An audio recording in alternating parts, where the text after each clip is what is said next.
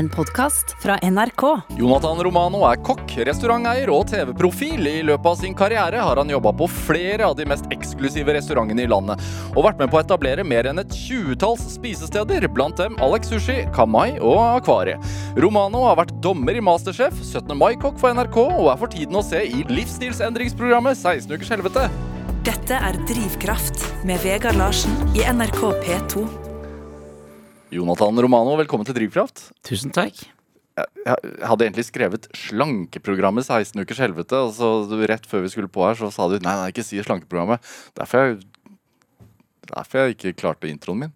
Men det er viktig for deg at det er, at det er livsstilsendringsprogram og ikke et slankeprogram? Ja, fordi at herregud, hvis jeg skulle vært med på sånn derre Fat Biggest Loser, liksom det, jeg, jeg, jeg, jeg, vet at jeg var ganske fin og god og deilig og tjukk, men eh, da hadde jeg nok takka nei. Ja, hva gjorde at du takka ja?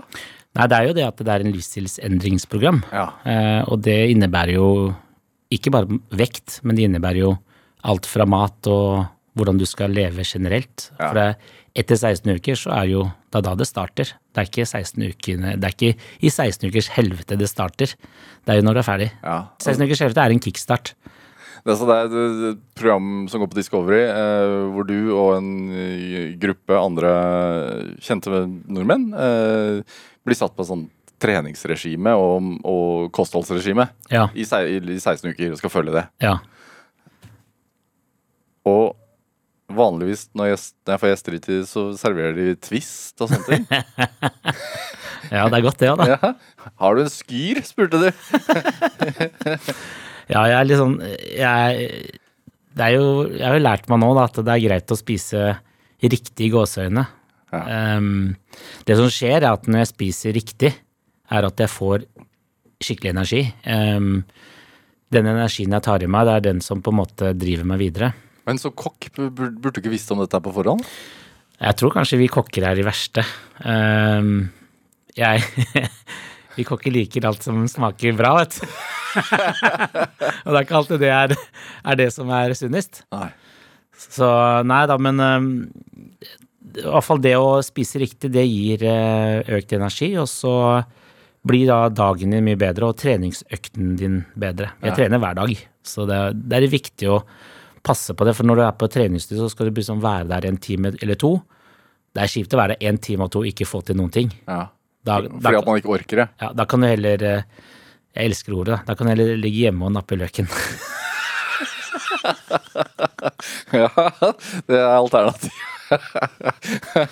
Men jeg glemte å si en ting, da. Ja. Den introen din. Ja. Du, du, har sånn skikkelig kul stemme. Det motiverer. Altså, dette er en bra start. Ja. Jeg, jeg gleder meg veldig til å snakke med deg en time, altså. Ja, det gleder jeg meg til også. Er det, men er det jeg, har jo sett på dette programmet. Mm. Du har jo noen fordeler, da.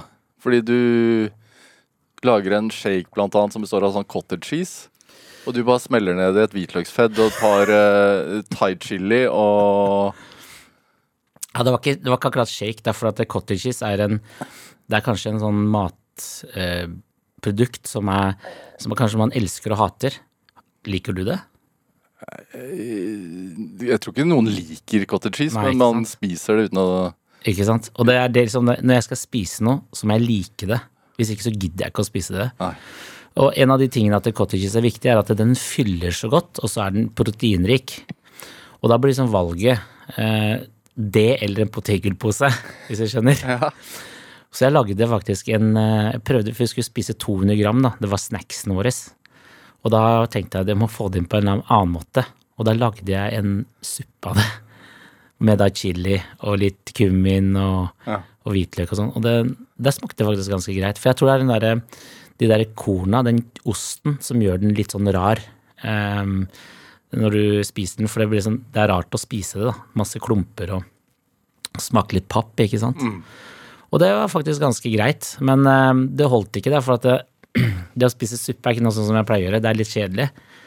Så da, i stedet for å spise potetgull, så høvla jeg da neper, for dette var jo Kjedelig å spise suppe? Suppe som er så godt? Ja, men ikke Ja, det suppe er dritgodt da når du har masse skalldyr i og masse fløte og, og sånn, da. Det er, det er suppe for meg, altså. Eh, så da tenkte jeg fader, ass, eh, det hadde vært digg med en potetgullpose og bare dippa den der chipsen oppi her, da. Men eh, så prøvde jeg jo Må liksom gå 100, 100 inn i dette her, da. Så da høvla jeg med en sånn mandolin, da. Neper. Og så dyppa jeg nepen, satt jeg meg i sofaen og spiste neper og dipp. ja, det går inn for deg, men eh, fy søren, altså. Det, det funker, da. Men eh, det, det, det krever litt administrering. Ja. Det er en stund siden Eller programmet er ferdig innspilt. Ja. Så, og, og du har sikkert ikke lov til å si hvordan det gikk, og sånn Jo, rent sånn kilomessig og sånn, men du sitter jo foran meg. Det, det, jeg ser at det har gått bra. Um, Men er det, har det vært en I forhold til det som kokk da, og som restauranteier, og du har vært med å starte masse nye spisesteder, har det uh, forandret noe som helst måten din og innstillingen din til mat? Ja, absolutt. Og det, det er det vi snakker om, den livsstilsendringen. Ja. For selve 16 ukers helvete handler jo om å leve normalt. Vi filmer oss mye sjøl. Og så møter vi da eh, vår mentor og vår eh, befal, Martin Jonsrud Sundby. Eh, og så har du Anette, da, som er liksom da ernæringsfysiologen vår, som hjelper oss med å få i oss næringen. Så det, dette handler jo om at vi, vi skal leve vår hverdag. Um, og det er nok det jeg tror veldig mange sliter med. Trengte du det? Jeg tenkte absolutt det. Hvorfor det? jeg spiser jo ikke frokost. Ikke sant? Nummer én. Og så spiser jeg kanskje én til to ganger om dagen. Og da spiser jeg ganske mye, fordi jeg tror jeg er kamel. ikke sant? Eller jeg trodde jeg var en kamel. Og da var det liksom bare å hive i seg så mye man kunne, og så kunne man holde på i fem-seks timer, ikke sant? og så spise igjen. Ja.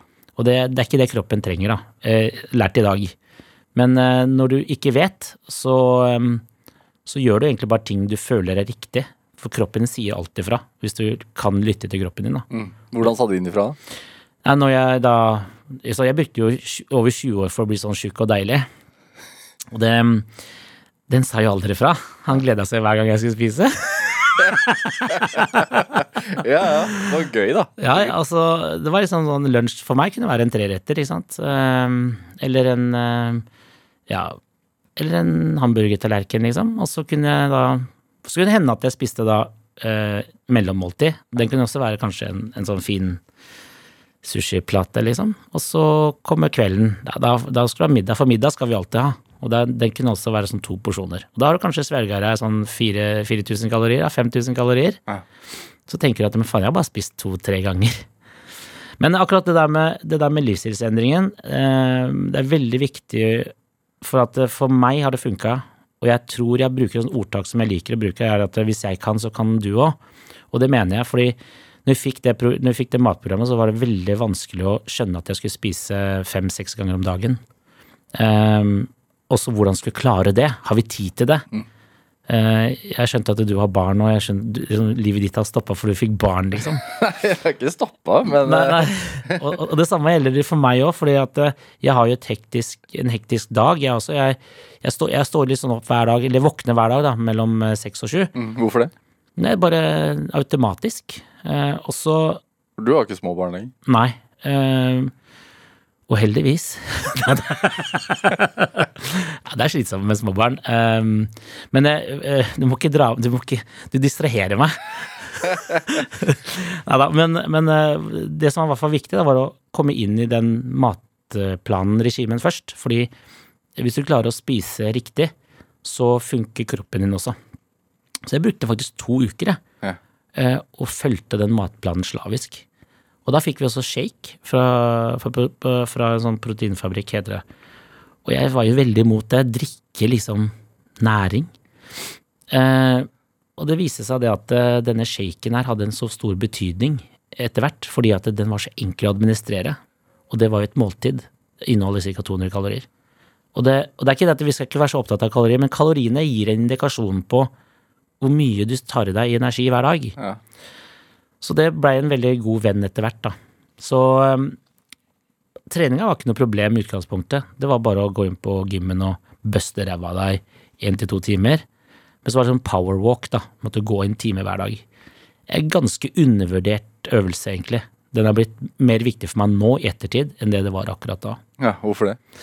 For at det er en, det er en lavintensitetsøkt som gjør at du brenner fett og ikke Ja. eh, karbohydrater. Men når, når du, altså, du, du driver jo Akvariet nå, en restaurant ved Aker Brygge.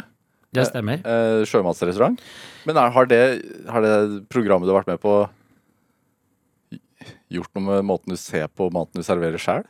Nei, eh, eh, overhodet ikke. For det, det, det er liksom mat er litt sånn forskjellig, akkurat som grener, hvis vi kan ta det en idrettsgren. Eh, du har forskjellige typer mat. Eh, restaurantmat er restaurantmat. Jeg lager ikke restaurantmat hjemme. Um, og det, er- det er veldig viktig å si, fordi jeg kjenner jo noen som eh, bruker ekstremt mye tid på innkjøp og stå hjemme og kokkelere i flere timer og så servere det, og så brukte du da et kvarter på å svelge det. det er ganske brutalt. Ja. Det er det vi kaller for ekstremt utakknemlig yrke. Hva da, servere mat hjemme? Nei, lage, bruke så mye tid på maten, og så kvarter, så er den ferdig. Så har du dritbra fordøyelse, og så går den i dass i halvtime etterpå. Ja da, men, eh, men det er klart at eh, når, grunnen til at jeg starta akvariet, var jo fordi at jeg holdt på med fisk i nesten hele min kokkekarriere. Ja. Og det er kanskje den mest, eller fisk og skaller er kanskje det mest eh, morsomste å jobbe med også, innenfor gastronomi. Hvorfor det? Du, du, du har ekstremt variasjoner. Du kan, lage så, du kan tilsette så mange kule sauser til. Eh, det er egentlig bare sånn fantasien som eh, legger til grunn her, da. Og da, da får du ekstremt sånn kreativt eh, utførelse. Og alle vi er født med en eller annen form for kreativitet. Og da tenker jeg at det, eller jeg veit at det får du til med fisk og skaller, da.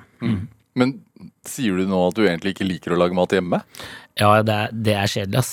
Um, det er gørr, ass. Ja, det er, og matlaging hjemme er Du er gift med en kokk også? Ja, hun, hun, er verre enn meg.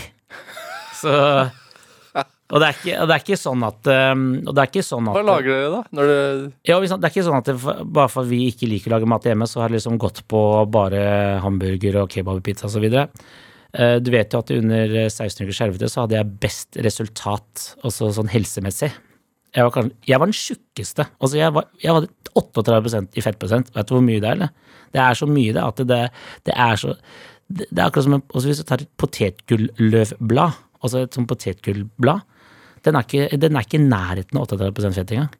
Så det er så fett, da. Jeg var tjukk, ass. Og, altså det jeg skal fram til, er at når vi lager mat hjemme, så um, prøver vi også Vi bruker rene råvarer. Um, også hvis vi skal lage eksempel um, en, hverdags, en hverdagsrett for oss er veldig mye sånn pasta, um, wokker. Så vi spiser ekstremt mye grønnsaker. Vi er veldig glad i det. Men eh, det vi gjør, vi lager alltid mye. Så har vi én til to dager. Så da slipper vi å lage mat i én til to dager. Dette er Drivkraft med Vegard Larsen i NRK P2. og i dag er eh, kokk og restauranteier eh, Jonathan Romano her hos meg i Drivkraft på NRK P2. Du sa at eh, alle blir født med en eller annen viss Altså mm, født kreative. Eh, du ble født eh, Er det på eller i Manila? Ja, du er to i norsk, yes. så jeg veit ikke. Men jeg vil, jeg vil kanskje si i Manila. Ja. Men du bodde ikke der særlig lenge? Nei, jeg var to år. Um, moren min, hun, um, hun måtte flykte fra min far, så hun uh, kom til Norge som innvandrer og, og jobba hardt. Og så fikk Vi er seks søsken, da. Fikk av tre og tre uh, etter et, med ett års mellomrom, da, uh, til Norge. Ja, fordi altså tre og tre i slangen. Ja, i slengen, ja. Mm. Hvorfor, hvorfor var det sånn? ja. Hun hadde ikke mer penger, tror jeg. Hun jobba og fikk hva sin. Hæ? Og du kom først? Altså sånn blant Ja. de tre første? Jeg kom den eldste gutten, og jeg var den yngste gutten, og så kom den yngste jenta. Vi har to søstre og, og fire gutter. Ja. Hvor flytta dere da? bodde vi på eh, Anker hotell der. Jeg, går for, jeg har gått forbi der mange ganger når jeg hadde Kamai. Og tenker på, Der bodde vi syv mennesker i en, eh, en leilighet med ett soverom. Ja. Og så drev du 30-35 år seinere restauranten Kanai på Grünerløkka, som ligger rett ved. Ja. Som serverte fine altså sånn fusion dining. ja. Mm, det var en veldig bra restaurant. Vi hadde jo Det var, det var en, suksess, en suksesshistorie, for vi, vi nådde jo 20 millioner i omsetning første året, liksom. Ganske sterk kontrast. Ganske. Du, men eh, jeg lærte meg å være ydmyk, da. Eller kanskje bare medfødt at jeg er ydmyk type. Ja. Um, takknemlig hver dag når jeg våkner opp og føler liksom at um, hver dag er en gevinst, da. Hæ. Og jeg, jeg tar ikke noe for gitt, liksom. Um, men uh, det må jeg si, det har det også gjort, da. Når du begynner å tjene litt penger og blir litt uh, Når lommeboka blir litt romsligere, så detter du fort i den fella. Men det som har vært veldig sterkt for meg, det er at jeg har en uh, fantastisk kone, da, som alltid har dratt meg ned. På en god måte. Og den Ja. man må liksom være lagspiller. Så morsom, morsom er, er jo er jo det at vi begge er egentlig ikke så privilegerte. Eh, kommer fra ikke så privilegerte hjem, hvis du skjønner hva jeg mener. Mm. Eh, Sølvskje i munn. Og det er ikke, vi, er ikke ene, vi er ikke det eneste, da, selvfølgelig. Vi, jeg har hørt om mange historier. Men det beste er jo den, det samarbeidet vi har gjort, da. Som har liksom resultert i at vi er veldig fornøyde i dag. Lærte du det med ydmykhet hjemme? Av moren din? Um, nei. Jeg lærte det av meg sjøl. Ja. Jeg lærte å gå inn i meg sjøl og, og, finne ut liksom Det er litt vanskelig når du vokser, vokser, øh, vokser opp i en sånn flerkulturell samfunn. Du lærer å være filippinsk, katolsk hjemme, Mm. og så lever i en protestantisk norsk øh, verden. Hvordan er den forskjellen? Det er jo um, Det er jo sånn jeg, jeg, jeg er fra Holmlia, har veldig mange pakistanske venner. og Kanskje kontrastene du vil skjønne, er kanskje muslim mot en protestantisk kirke. Og, og kulturen rundt det er sånn, og da ser du det veldig tydelig. Um, kulturen er helt annerledes. Vi merker jo det i dag òg. sant? Og heldigvis så, heldigvis så I den generasjonen, da, sånn som mine foreldre, dem, dem var veldig sånn um, de, de trodde på det. Dette her var det som var. Det var ikke så åpenlyst som det er i dag. Mye mer informasjon om ting, da. Mye mer dømmende og, og sånt. Og jeg, mange av mine pakistanske venner feirer jul, ikke sant. Og, og det, det er den inkluderinga og den integreringa som jeg mener heldigvis har blitt mye bedre, eller er bra, da, i dag i Norge. Men du skal ikke drive med sånn følelsesgreier. Det er ikke det, det, det, da ble- jeg rørt, altså. Da må jeg drikke med vann. Men er det seks søsken på Holmlia? Ja, eh, vi flytta til Tøyen. Um, og ja, tilbake til det med familien min, da. Um, det er veldig strengt, så min søster um, eh, Vi flyttet til Holmlia, og så ble min søster gravid når hun var eh, 16 år. Og da um, så jeg liksom hvordan, hvor strengt hjemmet mitt var, da. Hvordan da min fort ble kasta ut, da. Det var liksom trusselen jeg ble kasta ut. Og det er sånne ting som du bygger på og lærer deg å bli sterk, da. Du- da går du litt på, tæ, på, på tæra sjøl og finner ut at eh, fader, ass, um, hvordan skal jeg oppføre meg? Mm. Hvem var du som barn? Hvem jeg var? Ja. Uh, jeg tenker på om Nei, dag, hvordan jeg var som barn. I dag er du, du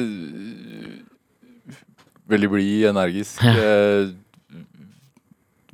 selvsikker, virker det som. Ja.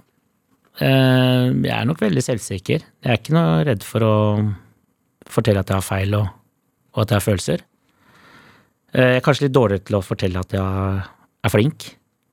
Men det tror jeg er for at man aldri er for, 100 fornøyd. Eh, men eh, som barn så var jeg kanskje litt mer sånn Så liksom verden på en litt annen måte, eller prøvde å finne ut hvordan verden fungerte, da.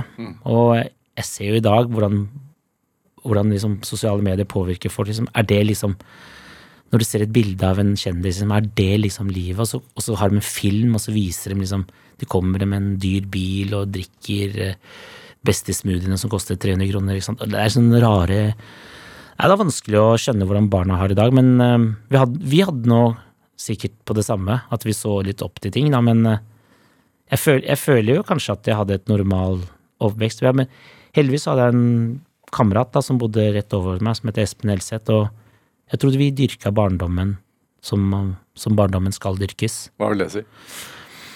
Vi var skikkelig, skikkelig, skikkelig venner, liksom. Og vi er venner, vi er på samme nivå venner i dag. Jeg setter vennskapet så høyt, da. Ja. Um, en annen ting var jo at uh, han var 100% norsk, så jeg fikk lære meg Jeg lærte av familien hans å stå på ski og skøyter, og lærte meg å svømme av faren hans og sånn. Lærte hyttelivet. Det var veldig gøy. For det, sånne ting hadde ikke mine foreldre, eller min mor, da. Nei. Og det mm, Så jeg var, prøvde å være ikke så mye hjemme. Hæ. Prøvde å være så mye mer ute og oppleve litt, da. Så det, det gjorde jeg søkte rett og slett kunnskap på den måten. Ja. Jeg er ikke noe særlig Jeg er ikke akademiker. Jeg, jeg, jeg er dårlig, dårlig teori og ikke så veldig flink til å lese videre, men eh, hvis jeg setter meg inn for ting, så, så klarer jeg det. Hvor, hvor viktig ble skating? Skating var en frihetsfølelse. Det var deilig. Det var å hente et brett, og så bare sto du på det, og så var du, var du sammen med kompisene dine hele dagen. Ingen som skulle fortelle deg hva du skulle gjøre og ikke? Ikke sant? Da, var, da bare skrøt vi hverandre hele tiden. Kan vi prøve å gjøre det? Vi prøvde å bryte grenser hele tiden. Altså, nye triks ikke sant, hele tiden. Vi jobba med en, en triks i flere uker. Og det, det er sånne små delmål som er helt herlige når, det når det, du ikke skjønner det egentlig når du er liten. da. Når du ser tilbake på det i dag, så tenker du shit, det var jo en veldig viktig hjerneøvelse. Og du skulle vise oss det taekwondoen, for at jeg trente taekwondo. Og det, jeg ble jo jævlig god i det òg. Jeg blei norgesmester i taekwondo. Eh, Det er mange kilo siden, da. Så, så det, men eh, det var også hardt arbeid. Det var broren min, da, som heter Joel, som var treneren min. Ja. Og han um, pusha meg skikkelig. Han prøvde liksom å bryte en barriere. Prøvde liksom å gjøre meg til en mann, det ordtaket, liksom. Um, det gjorde han òg. Så um, jeg ble skikkelig god. Så jeg husker det siste Han der bygde hus, og han hadde ikke fiksa loftet ennå, så sa han nå skal vi gå kamp oppe. Og da tok vi på oss vestene og så hjelm, og så da sa han shit, du har blitt god, ass. Jeg traff han mange ganger i huet, ass. Men var det st- sterkt uh, søskenforhold, da? Veldig, vi har veldig sterkt uh, søskenforhold. Ja. Vi uh, støtter hverandre, og tror jeg kanskje litt at vi har hatt strengt regime med vår mor. Um, Oss mot røkla, liksom? ja, så jeg tror det liksom har vært det. Så det, jeg har vært veldig glad for at vi har hatt det gode forholdet der. Ja. Men vi er sånn som, sånn som søsken flest. Vi, vi har diskusjoner og uenigheter og kamper. Hva drømte du om Når jeg var liten, eller nå? ja, når du var liten? Jeg drømte om å egentlig gjøre det jeg ville. Jeg har lyst til å bare gjøre ting jeg ville gjøre. Um, jeg fikk ikke lov til å stå på skateboard, sånn, det var også ulovlig, tenkte jeg det. Det var liksom På den tida, ja. på den tiden ja der. det, var, det var jo ikke moren din som bestemte, det var det var den norske stat. Ikke sant? Og, da, og jeg, jeg fikk ikke Jeg fikk jo heller ikke brett av moren min, for vi hadde ikke mulighet og midler til det. Så, så Hvor dårlig råd hadde dere? Jeg er ikke sånn veldig dårlig råd. Jeg tror bare prioriteringa til moren min var litt dårlig. Så det ble ikke noe sånn Vi, vi ble ikke satsa på, liksom.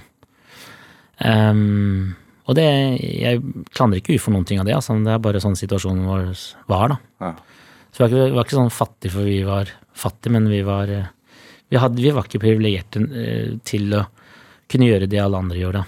Du øh, sa at søsteren din fikk barn tidlig. Mm. Du fikk barn tidlig selv. Ja, du vet det å ha sex er ganske godt, vet du. Så, så du vet at når du, når du ikke skjønner ordtaket 'hopp av svingen', da, da kan det få litt fatale, fatale konsekvenser. Ja. Så det, nei da, men eh, nei, det ble, jeg ble pappa når jeg var eh, 18 år. Og det mm, og det var litt eh, skremmende, men samtidig litt godt, fordi det da Ehm, det gode var at det da selvrealiserte meg ekstremt kjapt, da. Og det, det, er, det er heftig, altså. Når du er 18 år gammel og altså, nå skal jeg bli pappa. Og den rollen du tar på deg da, den er heftig. Og det var en um, Man kan velge hvor, hvor sterkt man tar, altså, tar på seg den rollen, da. Ja, det er jo Noen er snillere enn andre, ikke sant. Ja. Sånn er liksom livets gang. Jeg valgte å være den stille. Jeg skal, jeg skal bli ordentlig far. Ja. Men det blei sånn at vi, det blei jo barnemoren, eh, mammaen til Selina, som, som min eldste datter heter, da. Hun og jeg valgte å gå fra hverandre. Og det var jo veldig rart, for når vi da gikk fra hverandre, så var jo mye av tiden min liksom gått, gått tapt, da. For at um, mine venner hadde jo gått videre, på en måte. Men det var også en fin tid, for da ble jeg skikkelig ungdom igjen på nytt. Så, men det ble, jeg ble kanskje litt for mye ungdom. altså søsteren min, hun, Jeg bodde hos søsteren min, så hun sa at nå må du, du må i militæret, ass, kompis. Dette funker ikke. Du kan ikke surre bort livet ditt sånn. Ja. Så da, jeg har vært veldig flink til å høre på folk som jeg stoler på. Og det er familien min stoler jeg på. Hva lærte du der, da? I militæret? Ja. Jeg blei befal, da. Så det å bli befal, det, da lærer du mye av deg sjøl. En av de beste opplevelsene jeg har hatt sånn serialiseringsmessig. Der du blir brutt ned. Alt av du, du har trygghet, er borte. Jeg bodde i Stavanger. Det å um, bli kjent med folk som er samme som deg, og så lære, å, så lære å kjenne hvor heldige de er. De kunne alltid ringe hjem og snakke med sine foreldre og gråte og sånn. Jeg måtte ringe søsknene mine. Det var like fint, det, altså, men Men samtidig så du skjønner at livet er litt annerledes, da. Mm. Og fascinasjonen med det er jo at du, du blir jævlig sterk, da. Jeg, ble, jeg, jeg, jeg mentalt messig så Jeg tror liksom at det Jeg møter mange i dag, eller jeg har møtt noen i dag, og føler liksom at jeg har Jeg tror ikke dem Jeg tror ikke de liksom trodde at jeg skulle bli der jeg er i dag. Trodde du det selv? Eh, nei. det trodde jeg ikke sjøl, altså. Eh, men eh, jeg jobber eh, like delmål. Ta litt små skritt, og så gjør du det bra til de skrittene du har nådd, og så, du, det- så tar du neste skritt igjen. Ja. Hvor langt fram i tid er disse delmålene ofte? Det kommer an på hvor vanskelig de er. Men jeg blir ekstremt, jeg blir ekstremt drevet av å mestre ting, da. Så når du mestrer sånn, så tenker jeg at det fins noe mer enn det. Ja. Eller du kan gjøre det bedre, liksom. Og det, det, det, det er veldig motiverende. Og jeg er sånn som kan sitte oppe om netten og tenke, liksom. Og hvordan jeg skal gjennomføre den oppgaven. Som for eksempel? Det å, eh, Bare et eksempel. da. Jeg hadde nå i 16 uker skjervete, så skal jeg løfte 160 kilo markløft. Og um, han PT-en som jeg kjenner, Espen Lie på Ryen, han mente at jeg ikke klarte det. At jeg ikke klarte løftet, for min rekke var 150, og så mente han jeg ville klare 160 i løpet av tre uker. Og jeg var så forbanna, for vi prøvde 160, jeg klarte ikke å lette den stanga. Og så um, gikk jeg meg sjøl, og så Det var på en fredag. Så lørdag og søndag så var hele, dag, hele helgen min var ødelagt. Jeg sa det ikke til noen, men det var bare i meg sjøl at det var ødelagt. Og så tenkte jeg, visualiserte meg hvordan jeg skulle ta tak i den stanga. Hvordan jeg skulle liksom bruke teknikken og sånn. Ja. Så våkna jeg på mandag, så gikk jeg så bare den dagen er i dag. Jeg bare kjente det var liksom dagen dag. Veldig rar følelse. Og så gikk jeg bort til, eh, dro jeg bort til Ryen, da, på Sats Bryen, og så sier jeg du, i dag skal jeg perse. Og han oppe og leser her, liksom. Han er, han er svær bamse. Han er, han er stor, altså. Han er sterk som faen. Og så går vi bort, og så sier jeg bare varm opp, og så skal jeg se på det. Og så sier jeg men jeg må nok til å dokumentere det. Det er viktig å dokumentere, for jeg skulle ha det med også til programmet. Og så sto jeg der og holdt den stanga. Da hadde jeg varma opp, og så tenkte nå, nå, nå er det der. Tok jeg tak i stanga, så letta jeg den der jævelen, altså. da får du en sånn følelse at du Jeg vet ikke om du har hatt det, men det er litt digg å se seg sjøl i speilet og dra en jager, altså. Hva skjer hva? Jeg vet ikke hva det betyr. Jeg vet ikke om jeg, ikke om jeg vil vite hva det betyr engang. Men, men hva skjer med deg når hvis noen tviler på deg, eller de sier at det får du ikke til? Ehm, først jeg, så lurer jeg liksom på hvor, om de kjenner meg. Altså hvis, jeg, hvis jeg møter en random på gata liksom, og sier at du klarer ikke å løpe 60 meter for du er så tjukk, eksempel, Ja. så veit jeg at han har rett. uh. Men hvis jeg kjenner han, og han vet at han gjør det for å pushe meg litt, så blir jeg ekstremt motivert for å oppnå det. Ja. Og det, sånn er det liksom vært hele veien. Jeg tror at sted- Jeg tror folk begrenser seg, da. Det har jeg aldri vært. Jeg har vært sånn, får liksom en, sånn opp, en, en utfordring, så tenker jeg at eh, vet du hva, den der, Hvis jeg liker den, da. Du må like først en utfordring. Det er ikke sånn Du går på Mount Everest, det frister meg ikke, ass. Men, eh, men en utfordring liksom, som du veit at den ligger Muligheten er der, da tar jeg den. Og så skal jeg bevise han og alle at, det, at det, den, den skal jeg mestre. Ja. Det å droppe, da, eller sette utfor på en stor eh, ramp med et skateboard, det er jo første gang man gjør det, er skummelt. Det er helt for jævlig. Det er eh, Du er så redd at du aner ikke. Og så du vet det, Men det, du lærer jo veldig mye sånn mentalt, det er liksom den derre Hvis du feiler, og du dør, den er kjip, ikke sant? Da må du ikke gjøre det. Men hvis du feiler og du kan reise deg opp, Ja. så er, det, så er det greit. Og det er kanskje det jeg er litt opptatt av, da. At du må Du skal ikke ha sånn, skal ikke ha en sånn sikkerhetssnor, men du må vite at det, dette her dør du ikke av, liksom. Og det er viktig. Ja. Og prøve en gang til, og da Ja. sitter den. Da sitter den. Eh, Romano, vi skal spille litt musikk. Ja. Du har med en eh, ja, Det er politisk lite korrekt i dag å spille Kanye West, men det er en gammel Kanye West-låt. da. Eh, Det er bra greier. Ja, jeg, jeg føler ikke akkurat Altså, jeg syns musikk er viktig for meg. Det motiverer. Ja. Så jeg tenker ikke at det, liksom Kanye West eh, Jeg liker det han gjør. Ja. Den, den kunsten han gjør. Men selve personen er ikke så veldig interessant for meg. Når er det du hører på musikk? Hører du på det i forhold til på kjøkkenet og sånne Alt. ting også? Ja. Alt. Altså, så, altså jeg, jeg har liksom kjempebra anlegg hjemme. Eh, jeg har bra headset alltid. Um, biler med bra anlegg altså, har jeg hatt, og det betyr mye for meg. Ja. Det, gir, det gir liksom rom for å em, oppnå drømmene dine. Eller jeg liker ikke å bruke ordet drømmer, men målene dine, da. Ja. Hva betyr den runaway for deg? Nei, jeg tenker at eh, folk som er skitne, liksom. Som er slemme, som er giftige, bare stikk fra de.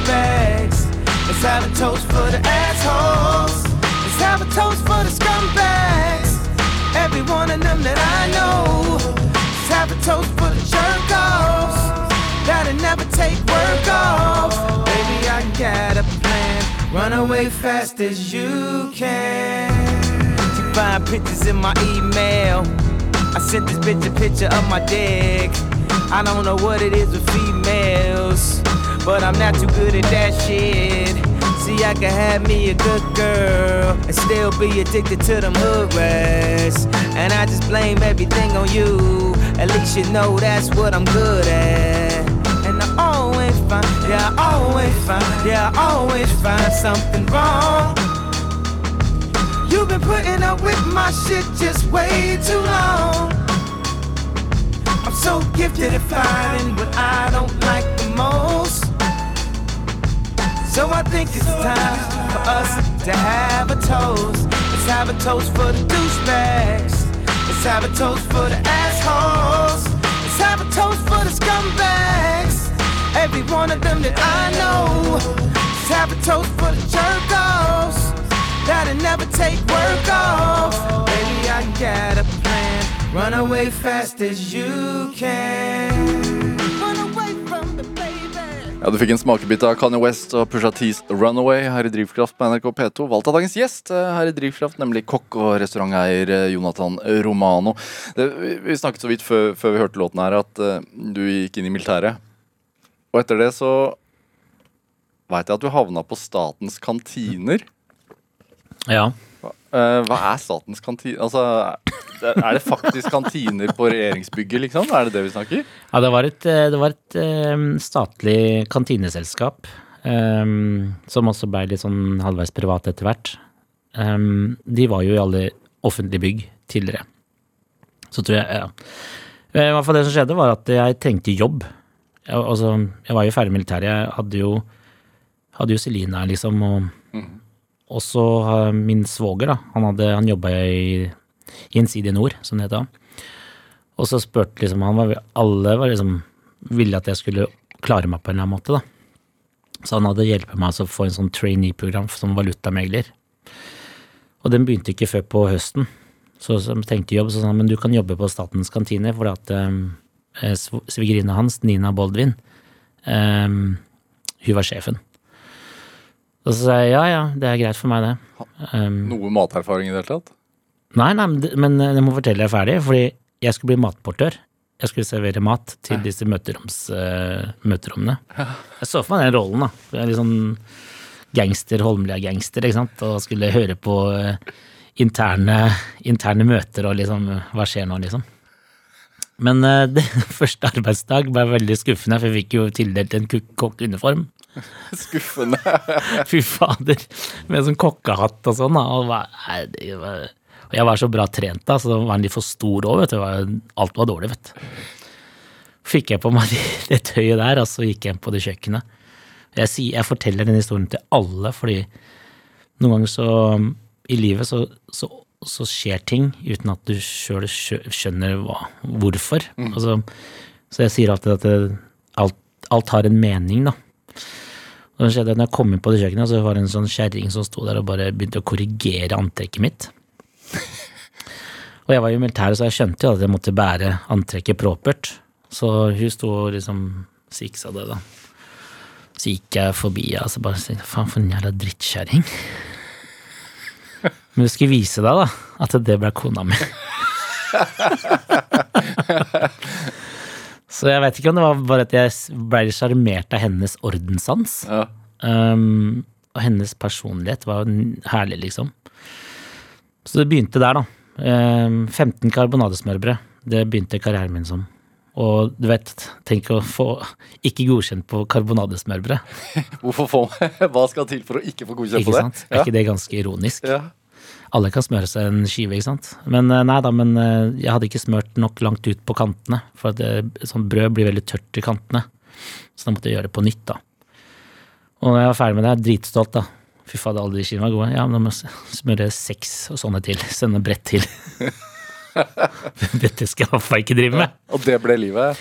Ja, det som var mestringen, da. Ja. Det som var kult med mestringen, var at, at, at jo fortere jeg kunne gjøre det, så fikk jeg nye oppgaver.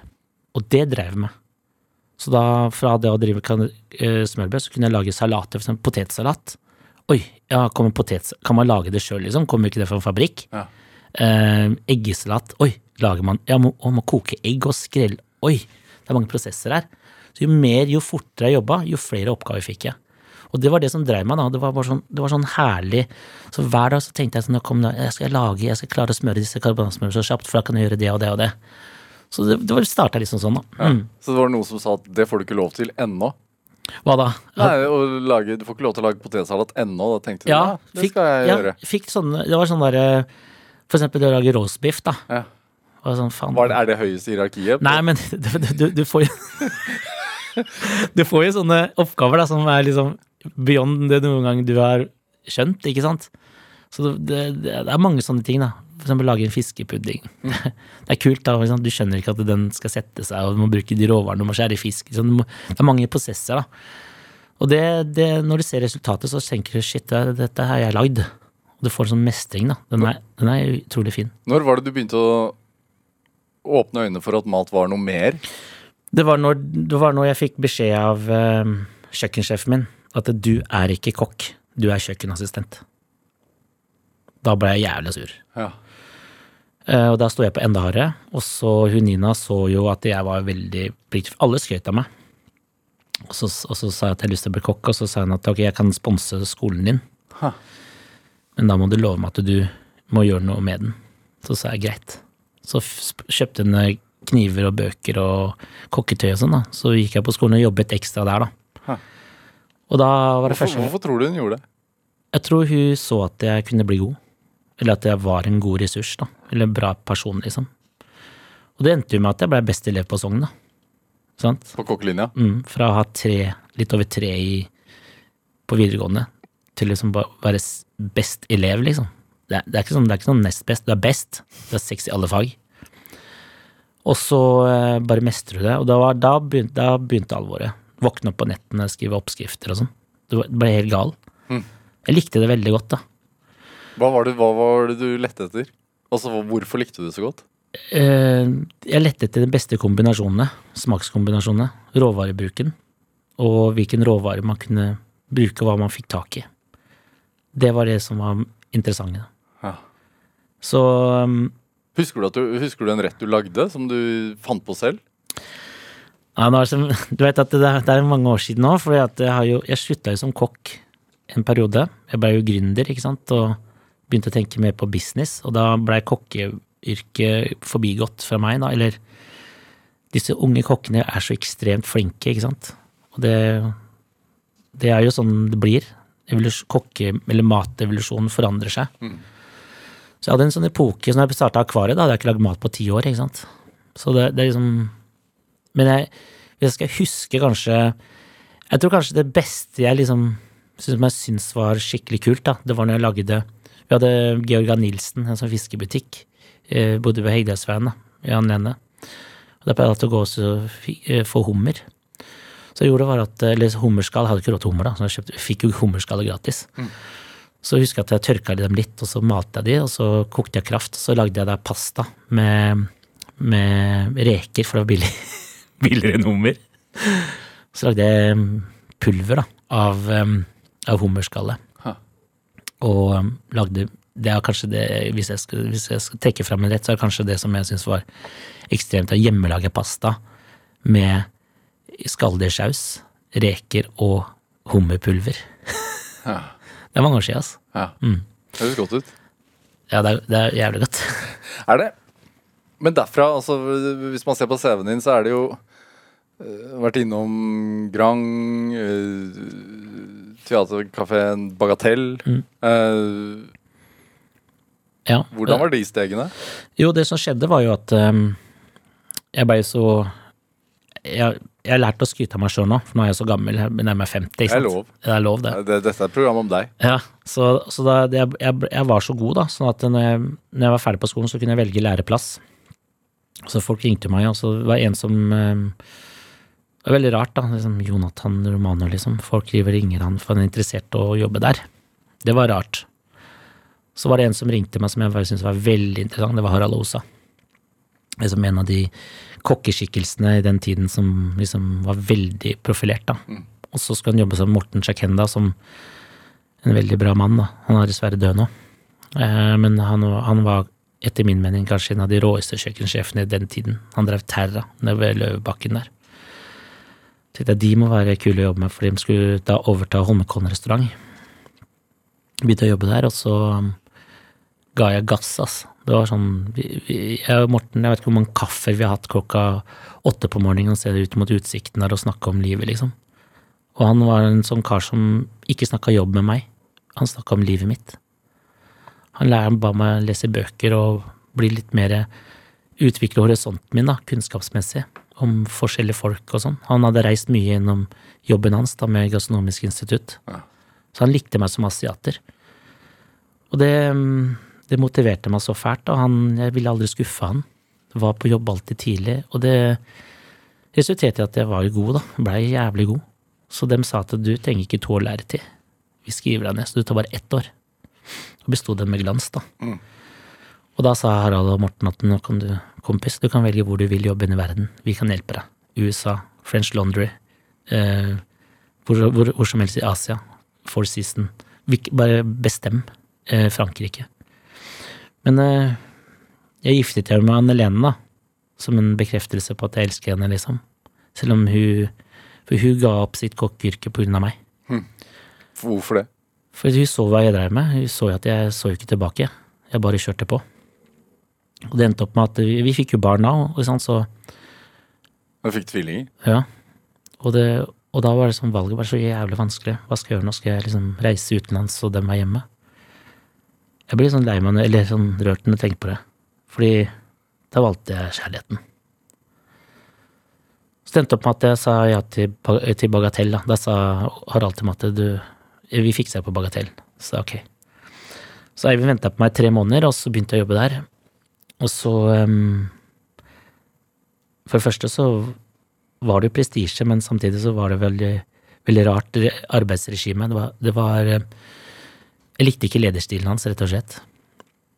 Og vi, og tjente ekstremt dårlig. Og um, enda mer jobb for ingenting, og da valgte jeg etter to måneder å gi meg der. Mm. Så jobbet jeg frilans på de restaurantene du nevnte, og så um, møtte jeg da Alex ja, Kabiao, Ja. Og viste seg at vi skulle gjøre noe som forandra livet mitt for alltid. Uh, altså, hvem er han? Alex Kabiao er en verdens flotteste kar som uh, har lært meg han Har egentlig vært min reservefar, for jeg har ikke hatt noen far. Og um, han um, Han åpna en dør som jeg gikk inn i, og jeg er så stolt at jeg gjorde det. Mm, Vi dere- Vi starta Alex Sushi, da. Ja, som ble en milepæl i, i sushi i Norge. Uh, det var jo sushi i Norge før den tid også, men det var ikke sushi på den måten. Eller det, man kan si det var vel egentlig ikke sushi i Norge før, før Alex Sushi åpnet. Det som var veldig fint, er at vi hadde jo investoren, investoren vår, da, Peter Sandberg, han, han var kommersiell flink. Han visste at han Han var jo, han var jo manager for artister. Mm. Så visste at hvis han kunne gjøre oss som superstjerne, så ville butikken hans også gå bra. Lærte så mye, han, og det inspirerte, og det, vi fikk jo det til, ikke sant. Og den reisen der, den, den var så fin, da.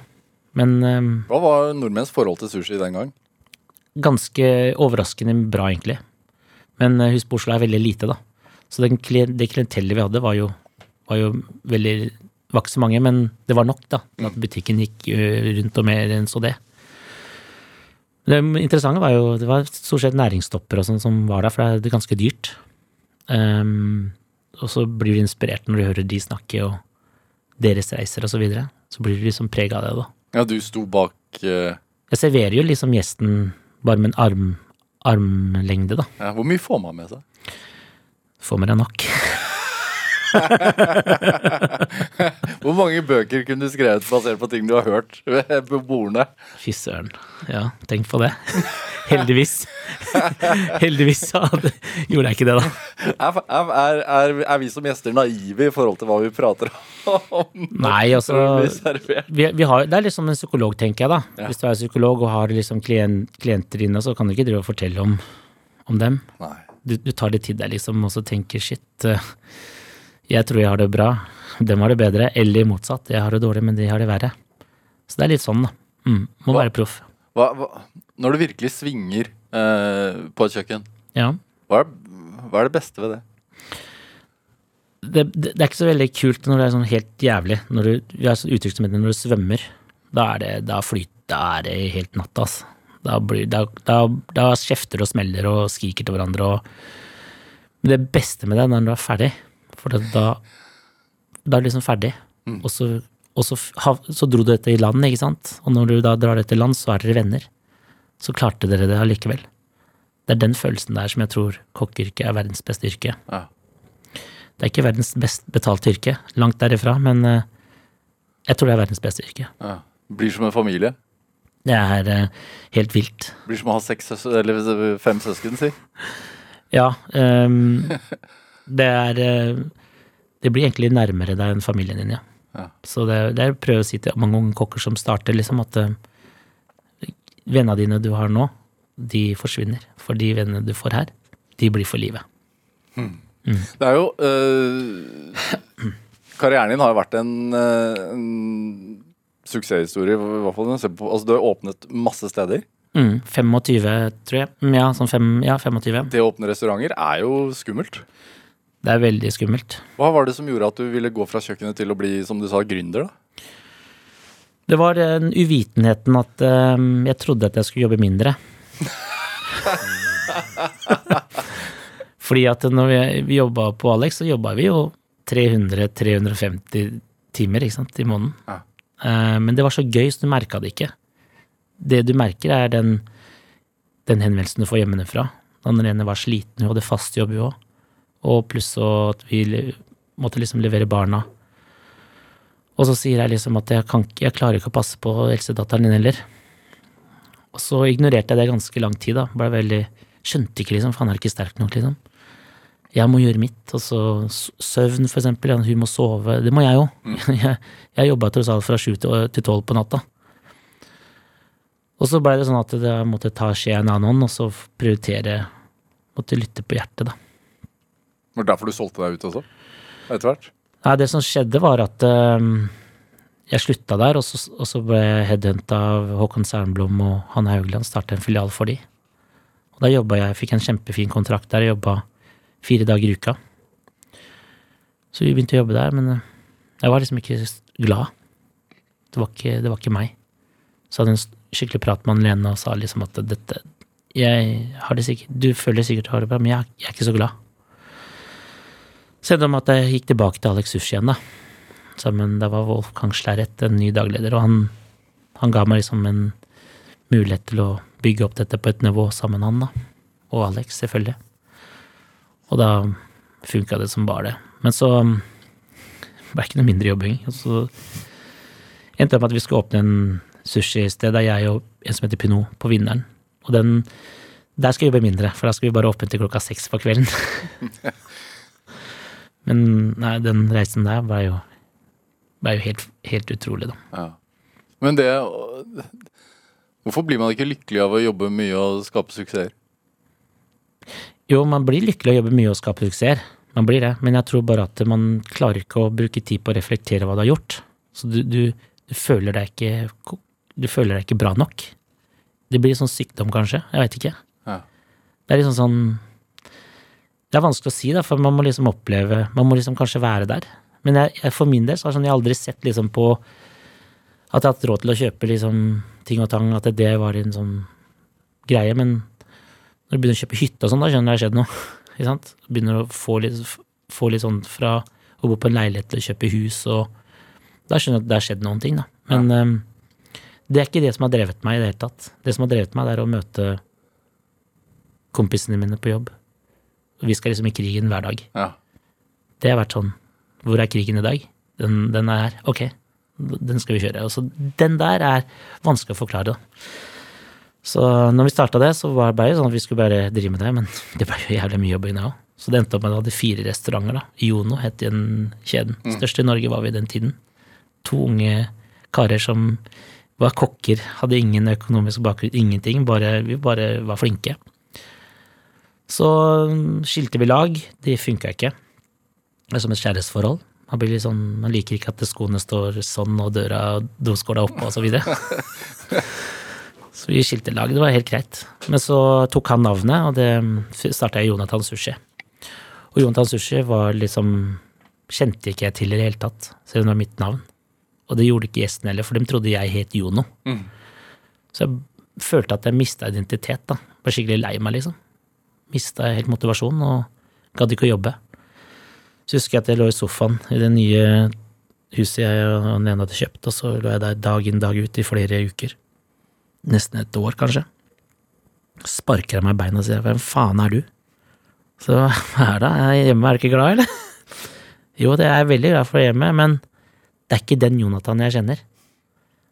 Jeg glemmer aldri det, altså. Så sa jeg til henne, hva mener du egentlig? Nei, du er helt på felgen. Du er ikke lykkelig i det hele tatt. Nå må du faen meg ta deg sammen, liksom. Og det endte opp med at da våkna jeg. så lagde jeg fire Jonathan sushier, og så åpna jeg Kamai. Ja. Og i dag så er du, har du jo solgt deg ut av veldig mange av de stedene, og, og driver akvariet, og så er du jo TV-kokk, da. Masterchef-dommer og, og Ja. Det som skjedde, var at når vi, etter at jeg solgte alt, så Så var jeg jo Så var jeg jo liksom Så var jeg liksom Visste ikke hva jeg skulle gjøre. Så det, da kom TV-verdenen inn. Eh, og det var kult, for at da kunne jeg formidle noe. Kunne formidle reisen min. Hva, hva betyr det for deg? Det betyr alt. Det betyr at, det betyr at jeg kan inspirere unge til å full, bli, med, bli med på reisen her. Ja. Um, og som jeg sier, liksom, hvis jeg kan, så kan du. Og det har vært litt sånn sånn TV-en ga meg mange nye innfallsvinkler, synsvinkler og så videre. Fikk litt mer tid òg. Og reflektere litt på min reise og suksess. Så det var, eh, det var kjempegøy, altså. Og, da, og når akvariet kom, så var det jo bare for å starte fisk- og skallrestaurant, for det, vi spiser altfor lite fisk og skalldyr. Men eh, akkurat nå, så når eh, 16 ukers helvete kom, så forandra det livet på nytt igjen. Og den Det er fascinerende, altså. Stopper aldri å imponere, liksom. Så um, at man kan ha så mange fasetter i livet og mange faser i livet, det er, det er veldig interessant, da. Men når, når unge mennesker med en, en, en drøm om å enten starte en, en restaurant eller bli kokk, da, hvis de spør deg om råd, hva, hva sier du da? Følg drømmen din, altså. Det er um, Hva skal til, da? innsats og vilje. Det er nøkkelordene. Utenom det, kan man glemme det. Da må du gå med avisen, altså. Det, det går kanskje ikke med avis lenger. Det er stadig færre. Nei, men altså, du skjønner jeg mener. Det der, altså, du må, du må ha de. Hvis ikke dem Hvis ikke det er der, så må du finne på noe annet. Og gjør heller noe annet som, som du kan mestre. Det er ikke for alle. Kokkeyrket eller restaurantbransjen er ikke for alle. Det å være topphuset er, er ikke for alle, det heller.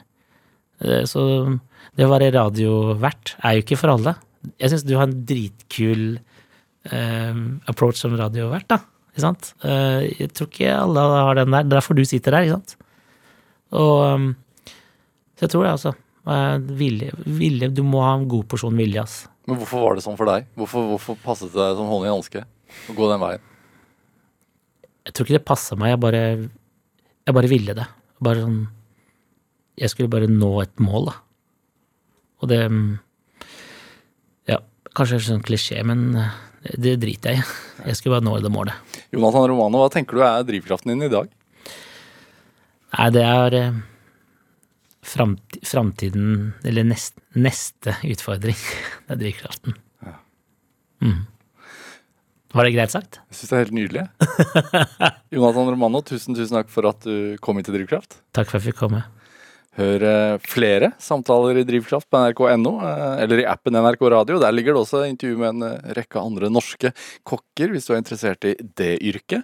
Um, send oss gjerne ris eller ros, og også tips til mennesker som du mener har drivkraft. Send den e-posten til drivkraft.krøllalfa.nrk.no. Vi hører veldig gjerne fra deg. Produsent i dag, det var Ellen Foss Sørensen, mens Olav Tessem Widsvang gjorde research eh, til denne sendingen. Dette var Drivkraft. Jeg heter eh, Vega Larsen. Vi høres. En podkast fra NRK. I det lange løp er tilbake i vinterdrakt. Jeg, Jan Post, og min makker Christian Ulriksen vil hjelpe deg å komme i form med gode råd fra løpere, vintersportsutøvere og eksperter på utholdenhetstrening. Hardt arbeid slår talent ti av ti ganger i, i det lange løp. Sånn er det bare. Du får et annet stimuli på hjertet og på muskulaturen din. Hun er en av de beste gjennom alle tider. I det lange løp hører du først i appen NRK Radio.